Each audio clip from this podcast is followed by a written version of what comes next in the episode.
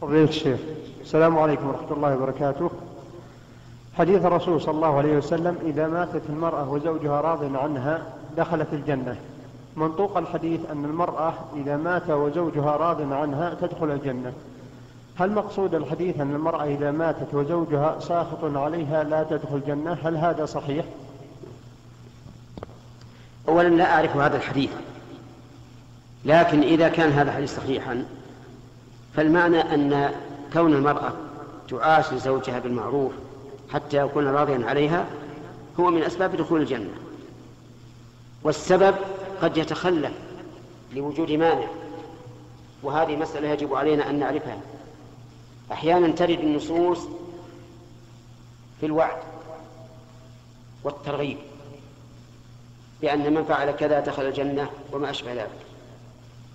فالمعنى أن هذا سبب والسبب قد يتخلف لوجود مانع يمنعه.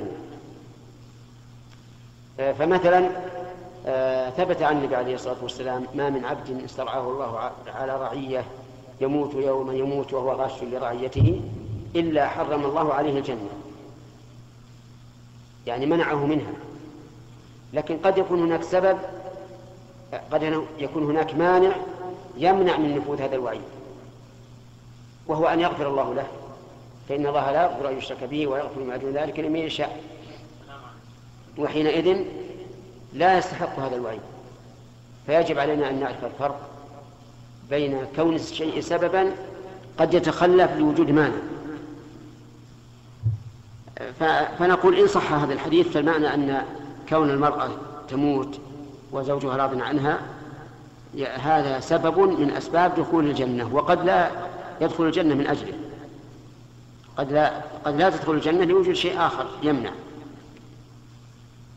لكن قد ثبت عن النبي عليه الصلاة والسلام أن المرأة إذا باتت وزوجها ساخط عليها فإن الله سبحانه وتعالى يكون ساخطا عليها. يعني إذا باتت ما إذا ماتت؟ إذا باتت وزوجها ساخط عليها فإن الله يكون ساخطا عليها. نعم.